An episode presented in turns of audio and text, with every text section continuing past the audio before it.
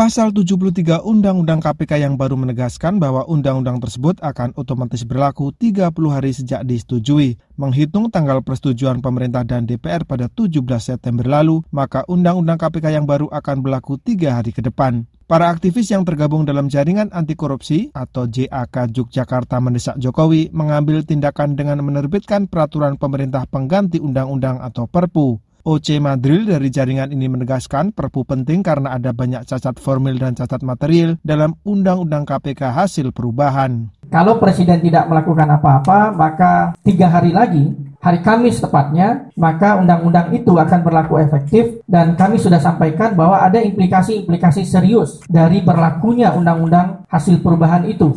Implikasi itu tambah OC antara lain adalah hilangnya kemandirian KPK dalam menjalankan tugasnya. Implikasi kedua, fungsi penegakan hukum, di mana fungsi penyelidikan, penyidikan, dan penuntutan KPK harus berkoordinasi dengan lembaga lain. Implikasi terakhir adalah karena KPK diberi kewenangan menerbitkan SP3 atau menghentikan perkara-perkara yang lebih dari dua tahun belum selesai. Kewenangan ini justru menempatkan KPK di bawah tekanan kelompok koruptor yang memiliki sumber daya politik dan ekonomi yang sangat besar. Dengan semua kondisi itu, JAK Yogyakarta meyakini tanpa perpu masyarakat akan menyaksikan kelumpuhan lembaga yang telah memberikan harapan bagi pemberantasan korupsi itu.